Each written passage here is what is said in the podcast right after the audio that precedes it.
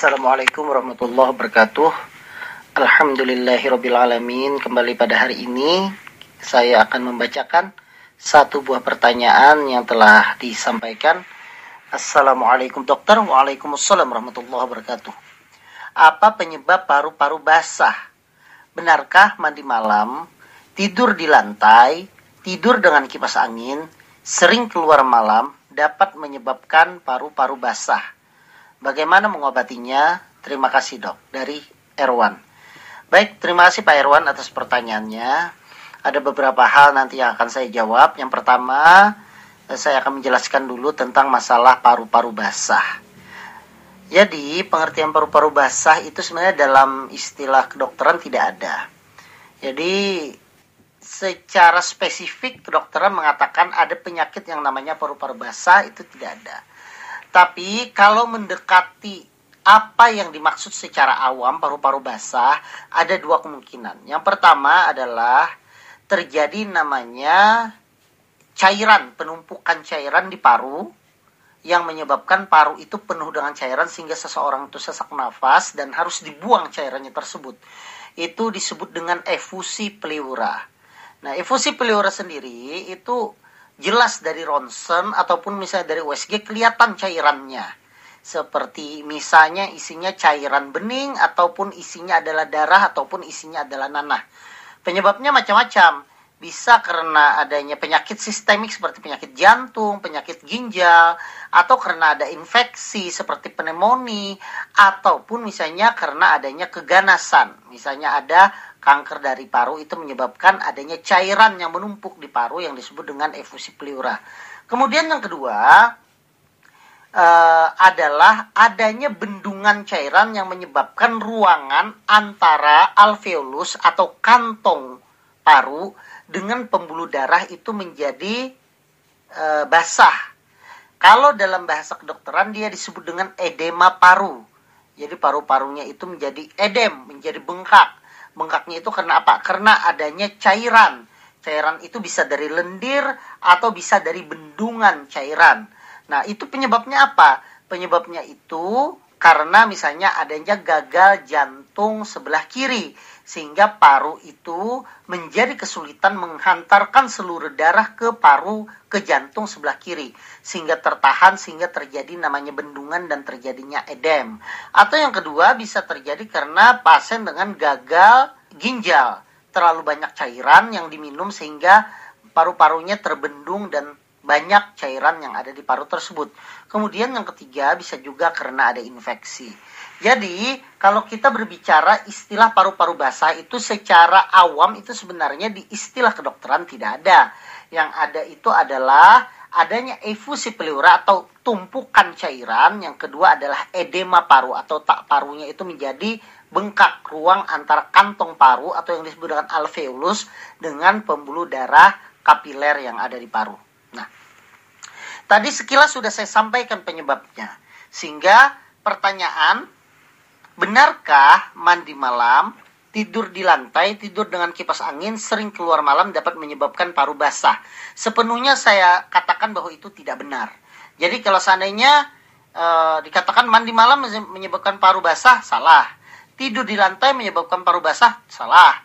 Tidur dengan kipas angin menyebabkan paru basah, salah. Sering keluar malam dapat menyebabkan paru basah, salah. Kenapa? banyak saya kira orang yang mandi malam karena pulang kerjanya itu sudah sangat malam jam jam 8 atau jam 9 supaya jangan terjadi badan yang lengket mandi misalnya. Menurut saya banyak yang dilakukan orang seperti itu. Kemudian tidur di lantai juga menurut saya juga banyak. Tidur dengan kipas angin apa bedanya tidur dengan AC AC juga sebenarnya juga kipas angin. Cuma dia dialirkan dibantu dengan adanya freon yang menyebabkan dia menjadi dingin. Jadi sebenarnya tidak tidak tidak tepat. Misalnya tidur dan kipas angin itu dikatakan berbahaya. Ataupun misalnya eh, keluar malam dapat menyebabkan paru-paru basah juga tidak tidak tepat. Cuma cuma nah ini yang diperhatikan bahwa memang ada beberapa faktor kebiasaan yang mungkin saja itu tidak baik kalau itu dilakukan terus-menerus. Sebagai contoh, orang yang suka keluar malam kalau tidak ada keperluan, dia akan menyebabkan apa? Menyebabkan badan menjadi capek yang harusnya malam itu digunakan untuk tidur, tapi dia selalu keluar malam sehingga daya tahan tubuh turun, sehingga infeksi meningkat, maka akhirnya dia terkena penyakit. Salah satunya yang paling sering terjadi adalah flu yang menyebabkan infeksi dari paru yang bisa suatu saat bisa menyebabkan adanya peradangan paru pada paru dan tidak menutup kemungkinan terjadinya efusi pleura ataupun edema dari paru tersebut.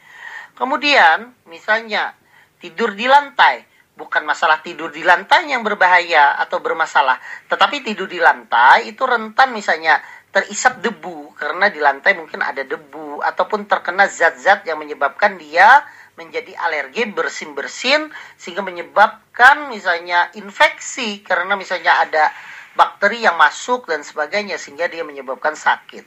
Jadi kalau dikatakan benarkah sepenuhnya tidak benar, tetapi mungkin saja kaitannya itu karena adanya kebiasaan-kebiasaan yang tidak baik yang menyebabkan daya tahan tubuh seseorang turun sehingga menyebabkan dia menjadi sakit paru yang ujung-ujungnya bisa menyebabkan uh, paru menjadi tertumpuk cairan yang disebut efusi pleura ataupun misalnya infeksi yang menyebabkan peradangan paru dan paru menjadi bengkak yang disebut dengan edema paru. Nah, jadi kalau seandainya kita ketahui penyebabnya, tentunya pengobatannya sesuai dengan penyebab.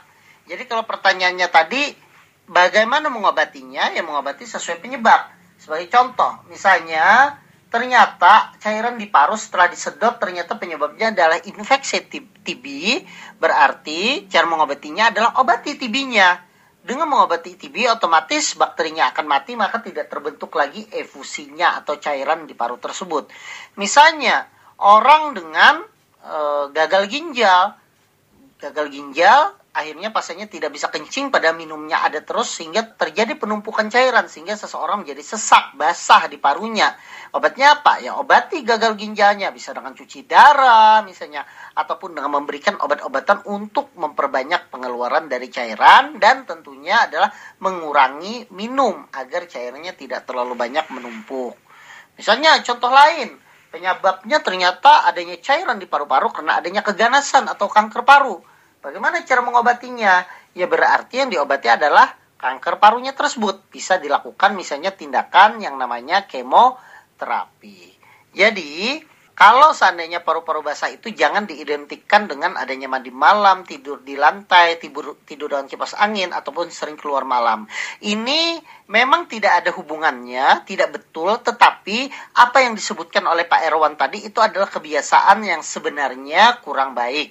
Anda pun terpaksa mandi malam, sebaiknya jangan menggunakan air dingin. Air yang dicampur sudah dengan air yang hangat sehingga tidak terlalu dingin airnya tersebut.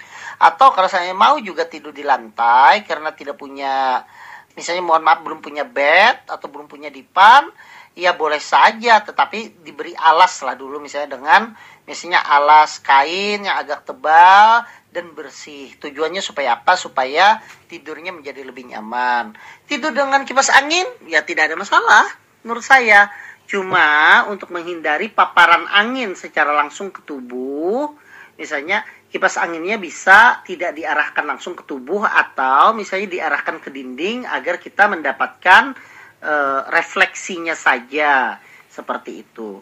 Tetapi saya memahami dengan adanya kipas angin sirkulasi menjadi lebih baik dan udara tentunya akan menjadi lebih dingin. Jadi itu saja mungkin Pak Erwan yang bisa saya uh, jelaskan dan saya jawab. Semoga ini bermanfaat bagi kita semua dan semoga kita semua diberikan kesehatan oleh Allah Subhanahu wa taala. Wassalamualaikum warahmatullahi wabarakatuh.